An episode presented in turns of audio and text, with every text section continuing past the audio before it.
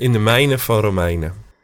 Paulus die schreef een brief die bepalend is geweest voor de loop van de wereldgeschiedenis. Een brief die ook wel de kathedraal van het christelijk geloof wordt genoemd. Een brief die erom vraagt om gelezen en herlezen te worden. Een brief waar je schatten in kan opdelven, waar je in kan graven en waar je in kan zoeken.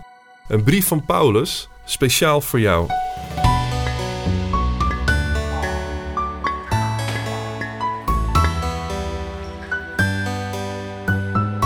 Gaan in deze podcast mijnen in Romeinen.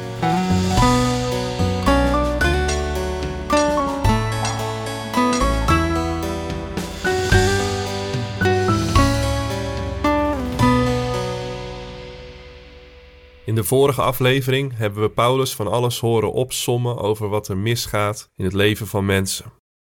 Vandaag pakken we de draad weer op en lezen we verder in hoofdstuk 2, vanaf vers 1. Natuurlijk, u veroordeelt dit alles, maar u bent evenmin te verontschuldigen. Het oordeel dat u over anderen velt, velt u over uzelf. Want de dingen die u veroordeelt, doet u zelf ook. Wij weten dat God hen die dergelijke dingen doen terecht veroordeelt. Of denkt u soms dat u, die zelf doet wat u in anderen veroordeelt, de straf van God kunt ontlopen? Veracht u dan zijn onbegrensde goedheid, geduld en verdraagzaamheid en weet u niet dat zijn goedheid u tot inkeer wil brengen? Doordat u zo hardleers bent en niet tot inkeer wilt komen, maakt u dat de straf waartoe God u veroordeelt op de dag dat hij zijn rechtvaardig vonnis uitspreekt en uitvoert, alleen maar zwaarder wordt. God beloont ieder mens naar zijn daden. Aan wie het goede doet en daarin volhardt, aan wie glorie, eer en onsterfelijkheid zoekt, schenkt hij het eeuwige leven. Maar wie handelt uit geldingsdrang, de waarheid niet eerbiedigt en zich laat leiden door onrecht, straft hij met zijn toren en woede. Iedereen die het slechte doet, wacht leed en ellende. De Joden in de eerste plaats, maar ook de andere volken.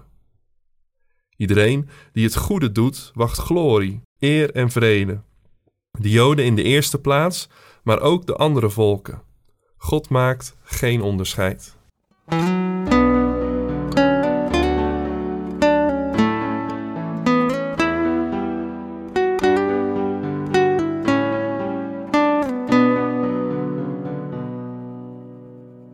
Toen we aan ons huidige huis een aanbouw gingen zetten en de heimachine op de parkeerplaats achter het huis werd gezet, kwam er een buurman aan de deur die tamelijk agressief zei dat die heimachine onmiddellijk verwijderd moest worden, omdat die deels op zijn parkeerplaats stond. Hij zou nu een boodschap gaan doen, maar als hij terugkwam, dan moest ik ervoor zorgen dat die heimachine weg was, anders had ik een groot probleem. De werknemers waren al weg en ik kon dat ding niet verzetten. Maar we woonden nog in Zwolle de dag was voorbij, dus ik ben in mijn auto gestapt en naar ons huis in Zwolle gereden. Na mij de zonvloed. Maar in mijn hart was al wel het oordeel geveld. Er woont een mafkees in onze straat. Paulus sprak in het voorgaande gedeelte in de derde persoon. Over de afgodendienaars, de trouwelozen, de godhaters. Dat voelt nog wel veilig. Paulus heeft het gelukkig niet over ons, maar over de ander. Maar nu schakelt hij opeens over naar de tweede persoon. U bent evenmin te verontschuldigen. Alsof je broertje op zijn mieten krijgt van je moeder en jij in de zalige en veilige onwetendheid geboeid zit te kijken hoe het af zal lopen en je moeder zich dan vervolgens opeens naar jou toe draait en tegen jou begint. Dat is even schrikken. Paulus wil aantonen dat niemand onder Gods oordeel uitkomt. Dat we elkaar onderling kunnen veroordelen, maar dat we zelf niet aan het oordeel kunnen ontkomen. We hebben het eigenaardige talent om bij de ander precies te zien wat loos is, maar vaak ook een blinde vlek als het om ons eigen gedrag gaat. Probleem is dat we altijd wel iemand in onze omgeving kennen die in onze opinie dingen doet die beroerder zijn dan dat wij ze doen. We relateren ons gedrag vaak aan wat we om ons heen zien. Dus lukt het vaak wel om ons beter te voelen dan iemand anders. Aangezien dit best een goed gevoel is, bevestigen we dit gevoel nog wel eens door ons oordeel ook uit te spreken of te delen met gelijkgestemden. Dit kan een enorme saamhorigheid opleveren. Maar onze oordelen zeggen zo weinig over de ander en zoveel over onszelf. Paulus zet het vervolgens tamelijk schematisch naast elkaar. Aan de ene kant staan zij die hardleers zijn en niet tot inkeer komen, die handelen uit geldingsdrang, die de waarheid niet eerbiedigen en zich laten leiden door onrecht. Hen wachten leed en ellende. Daartegenover staan degenen die het goede doen en daarin volharden, die glorie, eer en onsterfelijkheid zoeken. Hen wachten glorie, eer en vrede. Paulus legt een directe relatie tussen ons handelen en het oordeel van God op ons handelen. Met de Joden eerst, maar ook de andere volken, laat Paulus zien dat het door God gekozen Joodse volk, net als alle andere volken, onder het oordeel van God vallen. Waar God eerst het Joodse volk had uitgekozen als zijn volk, daar vallen zij ook als eerste onder zijn oordeel.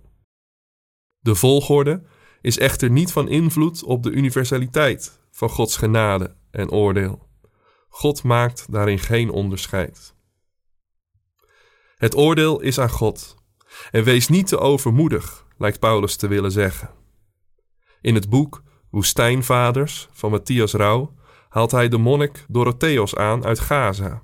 En die zegt het volgende: Alleen God kent de diepte van ons leven. Hij weet hoe sterk we zijn en wat ons beïnvloedt, wat ons temperament is en waar onze individuele kwaliteiten liggen, hoe beperkt onze mogelijkheden zijn en wat onze zwakke plekken zijn. Daarom is het alleen aan Hem om te rechtvaardigen of te oordelen. God kent de diepte van mijn buurman zijn leven. Hij kent zijn temperament en zijn individuele kwaliteiten, zijn zwakke plekken en mogelijkheden. Ik niet. Ik zie maar een heel klein stukje en ik vind het een mafkees. Een paar maanden later liep ik buiten met onze hond, een Labrador pup en kwam ik de boze buurman, zoals ik hem in gedachten was gaan noemen, tegen. De man ging zo'n beetje op zijn knieën bij ons hondje zitten, knuffelde hem en sprak met een hoge stem grote en waarderende woorden tegen onze enthousiaste hond. Sinds die dag vind ik mijn buurman een bijzonder vriendelijke mafkees. Probeer vandaag iemand te zijn die het oordeel vertraagt, voor jezelf en voor de ander.